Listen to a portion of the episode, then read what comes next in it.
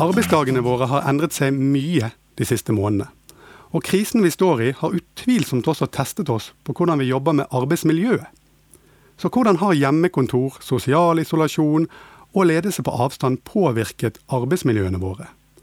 Og må vi tenke annerledes på hvordan vi jobber med arbeidsmiljø i en tid hvor usikkerhet og frykt preger oss? For å prate om arbeidsmiljø i koronaens tid, så har jeg fått med meg på telefon direktør ved Statens arbeidsmiljøinstitutt, Pål Molander. Veldig hyggelig å ha deg med, Pål. Det er hyggelig å, å, å, få være med. Mitt navn det er Cato Loren, så du hører på På jobben. Podkasten som tar for seg det meste av det som skjer på en arbeidsplass. Ja, du hører meg greit der borte i Oslo, eh, Pål? Det, det, er tindrende klart. Tindrende klart. Det er ikke dårlig, med den teknologien vi har. Du, eh, Pål, eh, jeg sier du er direktør ved Statens arbeidsmiljøinstitutt. Eh, arbeidsmiljø er noe du kan og jobber med i det daglige. Du har også vært gjest i denne podkasten tidligere, så vi er ganske trygge på at vi er i gode sånne kompetansehender når vi prater med deg. Så. Um, lyst til å spørre deg først. Disse koronatidene vi er i, er det blitt den ultimate syretesten på hvor gode vi faktisk er i Norge på arbeidsmiljø? på, på, på, en måte så kan du kanskje si det. At, at, um, at i hvert fall måten vi eh, jobber på i Norge blir testa veldig. Og måten vi jobber på er jo mye av det essensielle i, i arbeidsmiljøet. Eh, på den annen side kan du også si at, at situasjonen er såpass uh, annerledes enn en til vanlig. Så, så, så, veldig mye av det vi kan fra før kanskje ikke er så superrelevant. Men, men jeg heller vel mer mot at at den situasjonen vi kommer i som er ukjent, hvis vi klarer å anvende det vi vanligvis er ganske gode på i Norge på en litt ny måte, og er bevisst på de faktorene vi vet er viktige, så tror jeg at det er helt avgjørende for hvordan vi skal komme oss gjennom dette her også med godt arbeidsmiljø i behold. Og godt arbeidsmiljø det vet vi jo er en garantist for godt arbeid, som vi er helt avhengig av framover. Ja, og du, du, sier jo, du har sagt i, i ganske lang tid at eh, arbeidsmiljø det handler om arbeidet. Det handler om eh, hvordan man organiserer, hvordan man planlegger og hvordan man gjennomfører rett og slett arbeidet. Og når du sier vi må kanskje anvende det på en litt annen måte, vi skal prate en del om det. fordi eh, det, vi blir jo utfordret på ganske mye i disse svært spesielle tidene, og, og også arbeidsmiljøet. Men eh, på hvilken måte er det vi jobber med arbeidsmiljøet når vi, når vi opplever på en måte frykt og usikkerhet og, og, veldig mange av disse tingene vi bærer med oss eh, rundt arbeidsplassen i, i disse dager? Ja, jeg, jeg, tror, jeg, tror, vi allerede fra, fra starten her bare må å, å slå fast at i, i, en veldig spesiell tid hvor, hvor, uh, hvor mange uh, opplever høy grad av ansettelsessikkerhet, mange er permittert, mange har mista jobb, vi har de høyeste arbeidsledighetstallene på, på, lang tid, så er det jo lett å tenke at at arbeidsmiljø kanskje ikke er det viktigste å fokusere på. Det, vi skal være glad bare vi har en jobb. og så vet vi også det at, at det å ha en jobb det å, det å, være i arbeid er noe av det eh, aller aller sunneste som fins.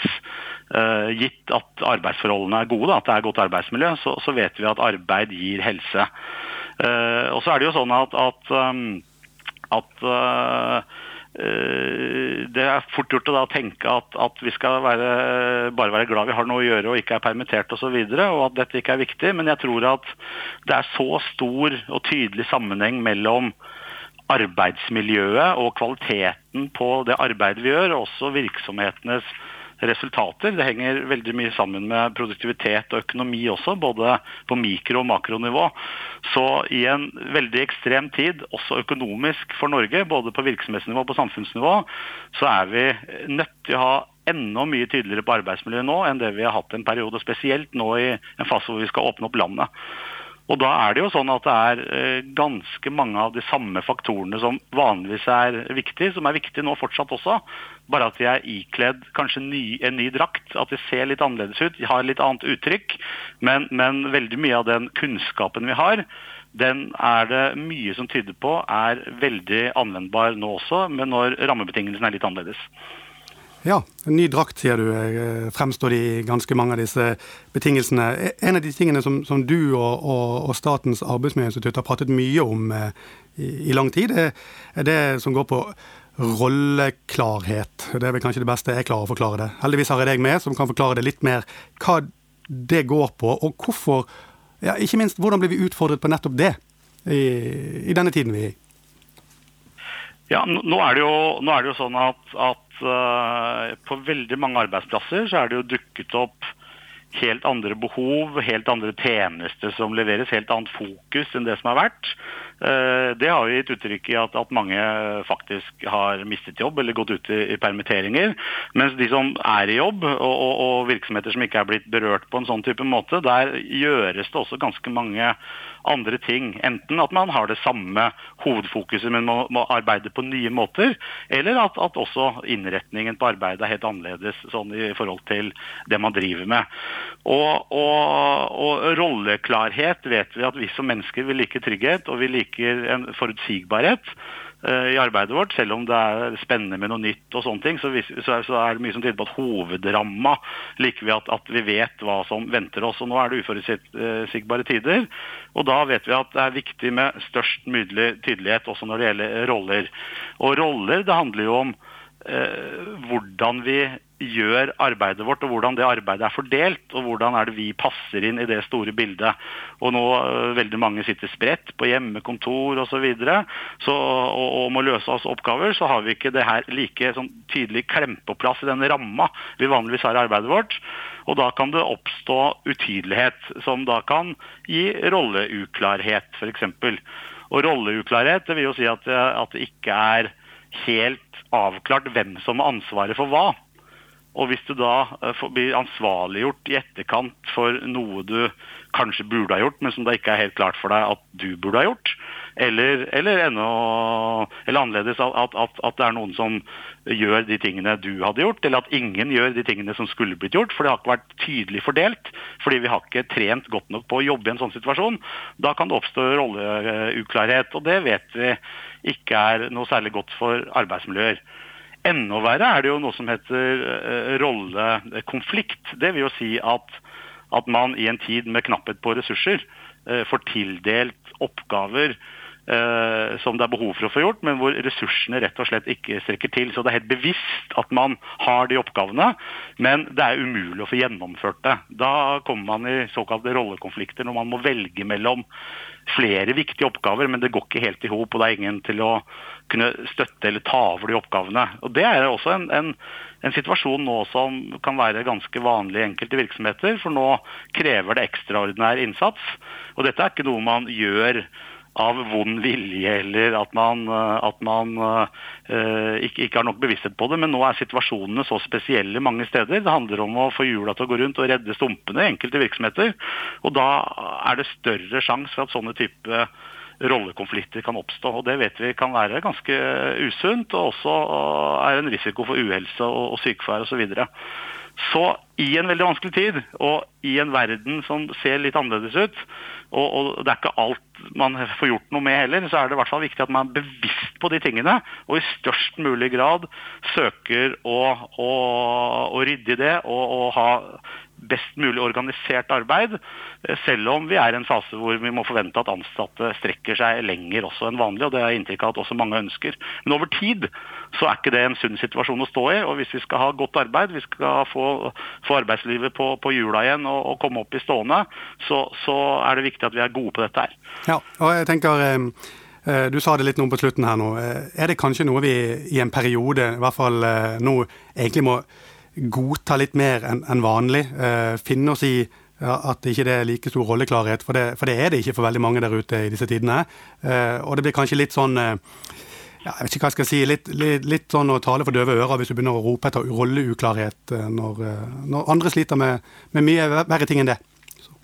Uh, yes, det, det, det, tror jeg er helt riktig. Og jeg tror ikke det er sånn at, at, at, nødvendigvis er sånn at vi må finne oss i det heller.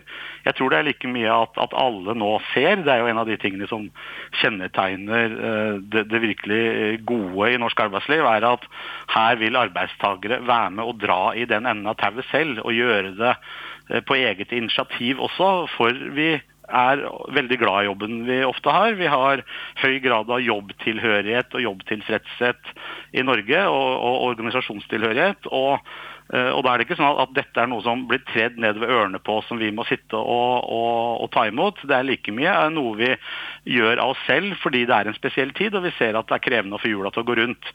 Og, da er det ikke sånn at det er på kort sikt så er dette noe stort problem, men hvis vi blir sittende i en sånn sits veldig lenge, så vet vi at det er en belastende arbeidssituasjon som vil gå utover arbeidet, det vi jobber med, det vi produserer, de tjenestene vi skal levere, og da også til slutt virksomhetens resultater og til slutt produktivitet.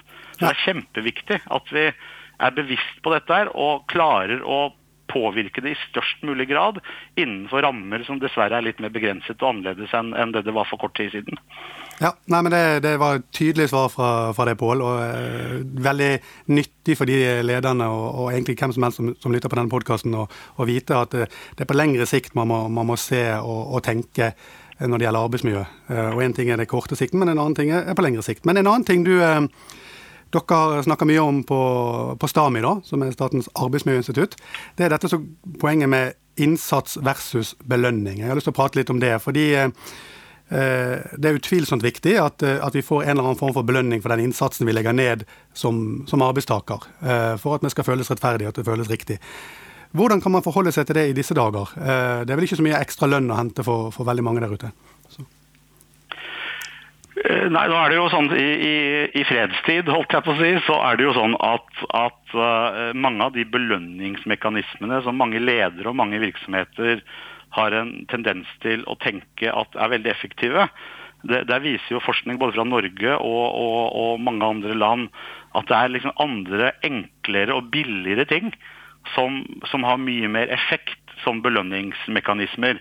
Som et, eh, et lønnstillegg og klapp på skuldra Uh, faktisk betyr mindre sånn psykologisk for en enkelt arbeidstaker enn det å få en mulighet til arbeid, det å bli sett, det å få muligheter til utvikling uh, og, og, og, og, få viktige oppgaver i norsk arbeidsliv, så har det vist seg å være veldig viktig.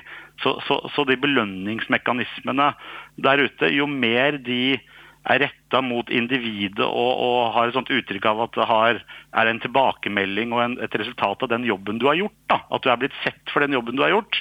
Det har mer effekt enn sånne generelle tilbud som, eh, som, som også er belønningsmekanismer, men som ikke nødvendigvis går på din egen innsats. Da har jeg ofte brukt sånn firmahytte eller firmatur, den type generelle ting. Det er morsomt og gøy, men effekten over tid av det er mindre enn det som går rett på individet. Det er det som gir indre motivasjon, mens det andre er mer faktorer som gir ytre motivasjon.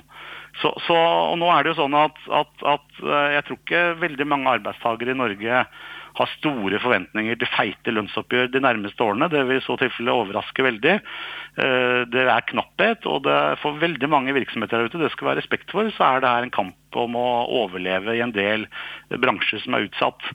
Og da er det jo sånn at, at en del av de belønningsmekanismene som, øh, som, som, jeg tror det er veldig mange som ikke er klar over det fullt ut, men som egentlig ikke har sånn kjempevirkning når det gjelder øh, det som skal gi motivasjon, det som skal gi øh, motiverte medarbeidere som, som, står på og får organisasjonstilhørighet og, og, gjør en god jobb for virksomheten sin.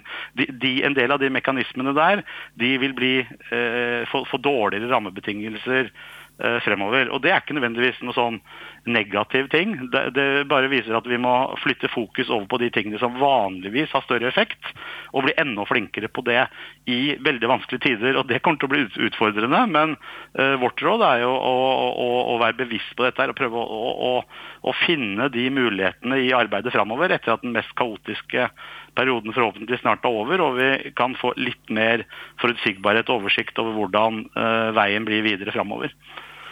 Så, så, så, alle de faktorene som, som, vi vet treffer bra på en medarbeiders motivasjon og vilje til å stå og det å kunne føle at du er med på et prosjekt som er viktig, det må vi lete etter nå. Og, og bare den belønningen av å være med og hjelpe en bedrift som sliter over kneika, f.eks. Det må jo være en enorm morsom eh, reise å være med på for medarbeidere rundt i norske virksomheter i dag, som kanskje balanserer litt på, på, på, på stupet i forhold til økonomisk inntjening.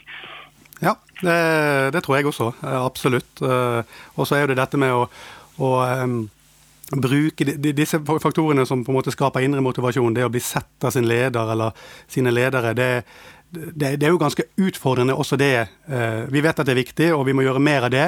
Men samtidig sitter jo veldig mange fremdeles på, på videomøter. Det, det, er nærmest eh, det er vanskeligere å se mennesker den, på den tradisjonelle måten, i hvert fall.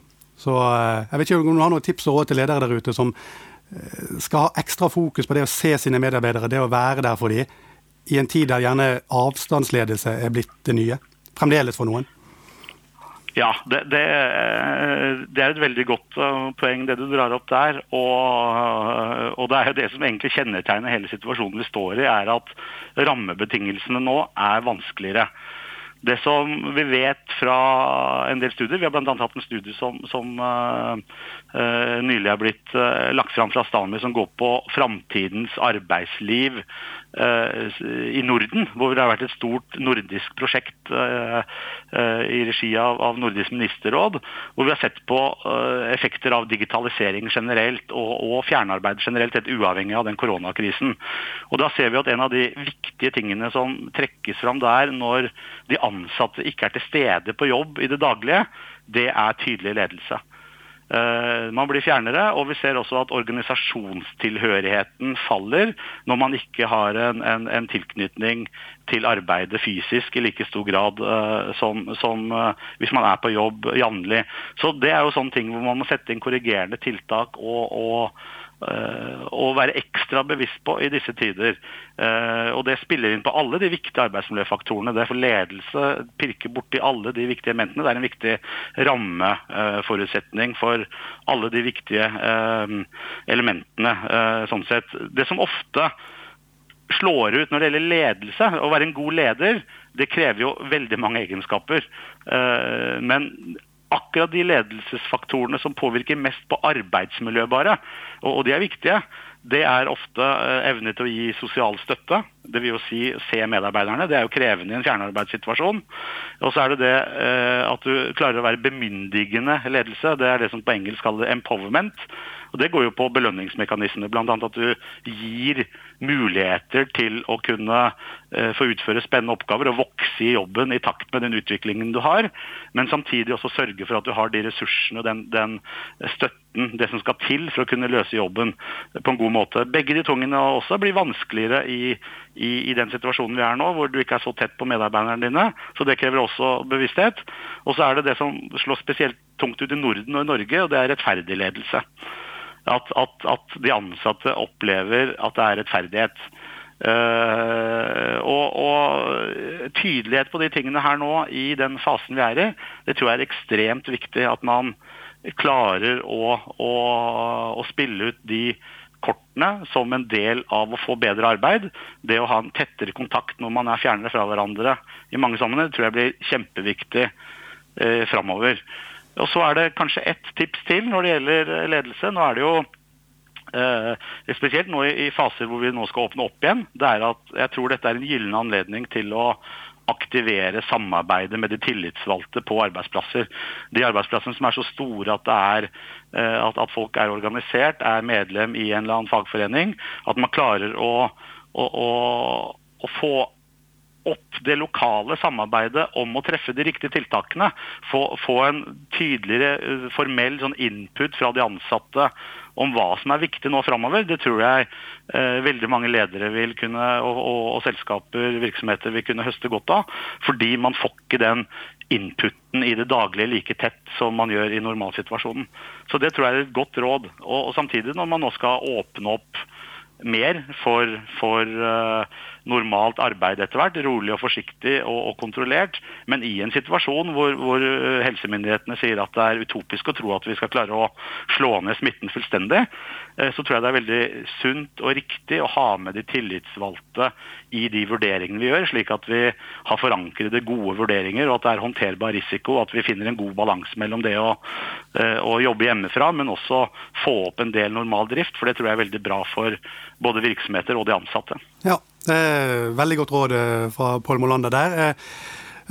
Pål, vi må snakke litt om begrepet tillit, som jeg, som jeg, elsker å hive opp i alle mine episoder i denne podkasten. Og, og, jeg vil se det i sammenheng med det som dere snakker om ofte på Stami. Det er krav versus kontroll.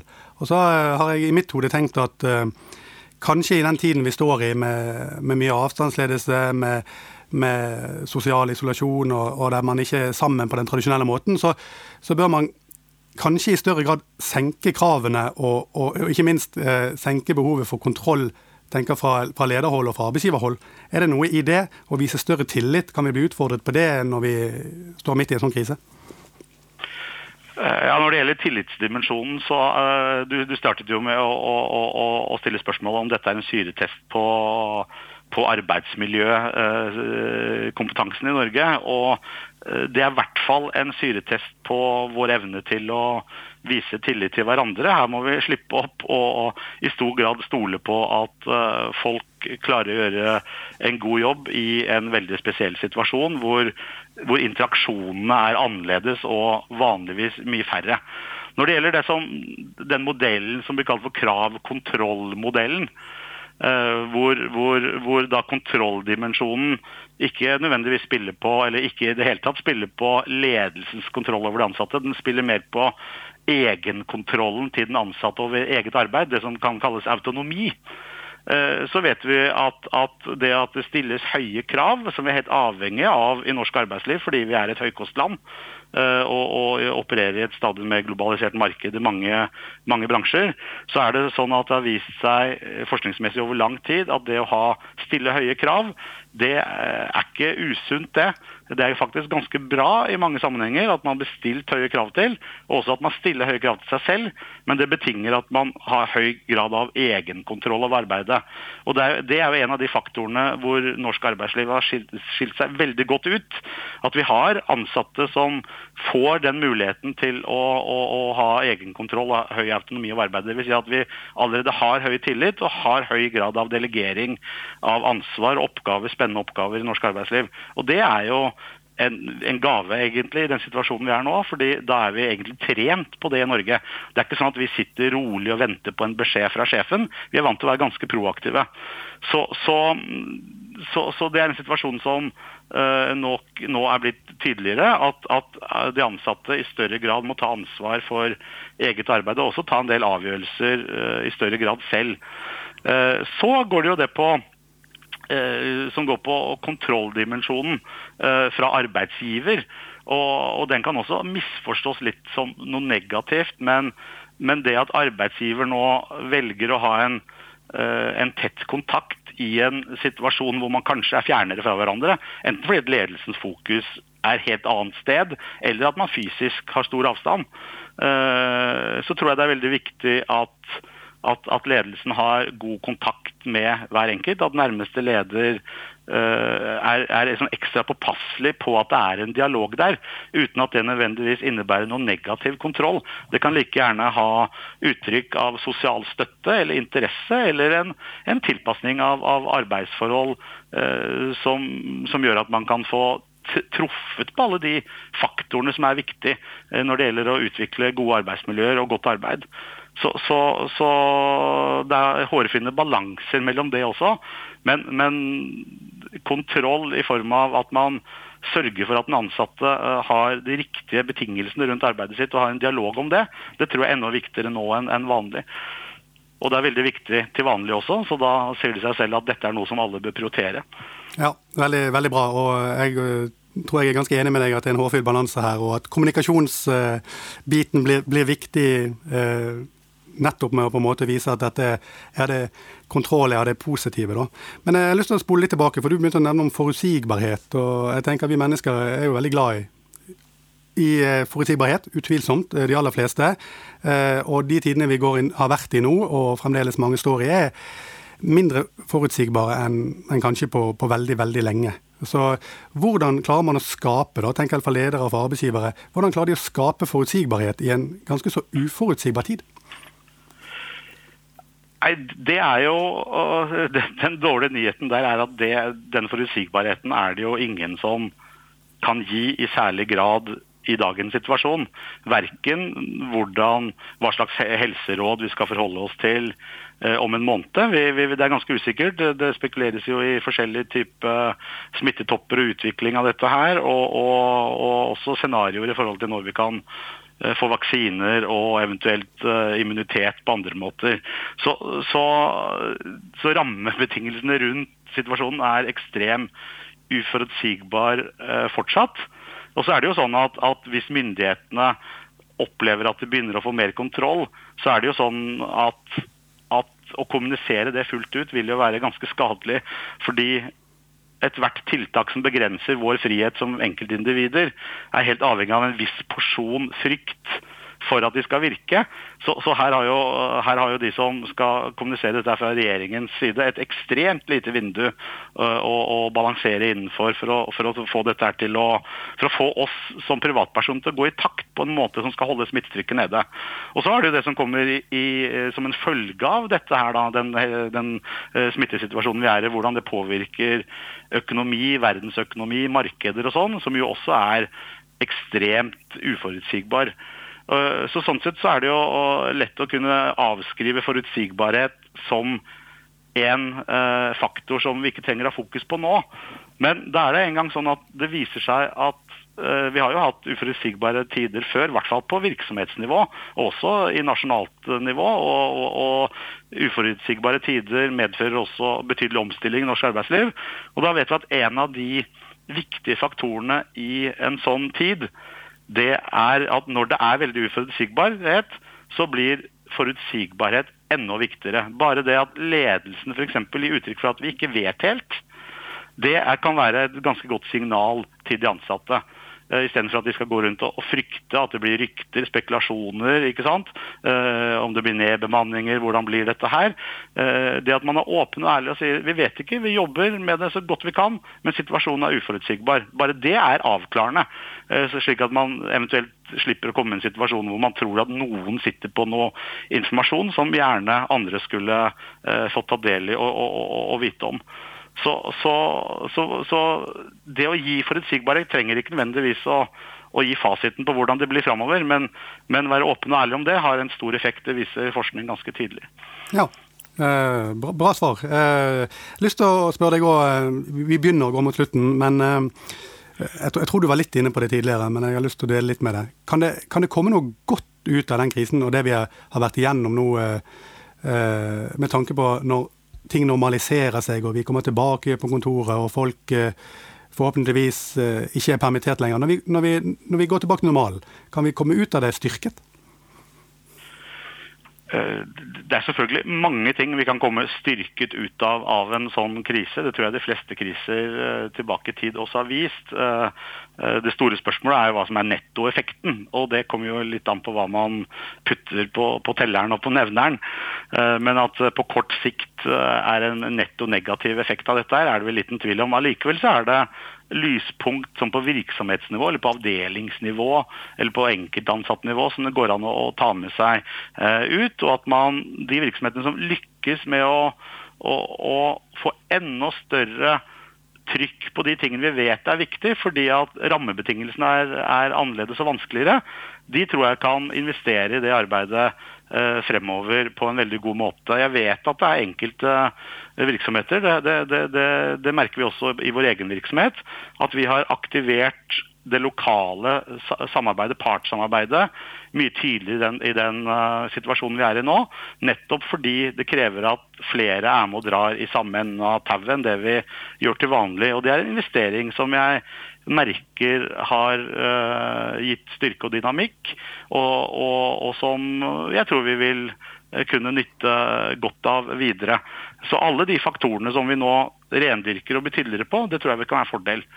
På den annen side tror jeg også vi skal eh, ikke glemme det, det, er, det er ganske få som egentlig tenker på at arbeidsmiljø handler om helse.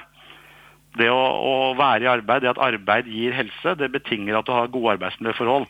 Og alle de faktorene vi nå har vært innom og, og, og snakker om når det gjelder eh, arbeidsmiljø i, i, i, litt vanskelige tider, de er assosiert med negative helseutfall. Eh, og over tid så kan de få ganske dramatiske utfall, med død også som ytterste konsekvent hvis vi ikke klarer å få normalisert dette og få det inn i en setting som er, eh, som er tydelig og god. Og, og, så, så mulighetene for at det også kan gå andre veien skal vi ikke underkjenne. og Det handler ikke bare om eh, virksomheters mulighet til å overleve, det handler om hvordan de skal produsere over tid med produktive og friske ansatte. Og Da er arbeidsmiljø helt avgjørende. Så mm, vi må tørre å si høyt at nå er det ekstremt viktig med gode arbeidsmiljøforhold framover. I en tid hvor de ansatte ofte må strekke seg mye lenger enn vanlig.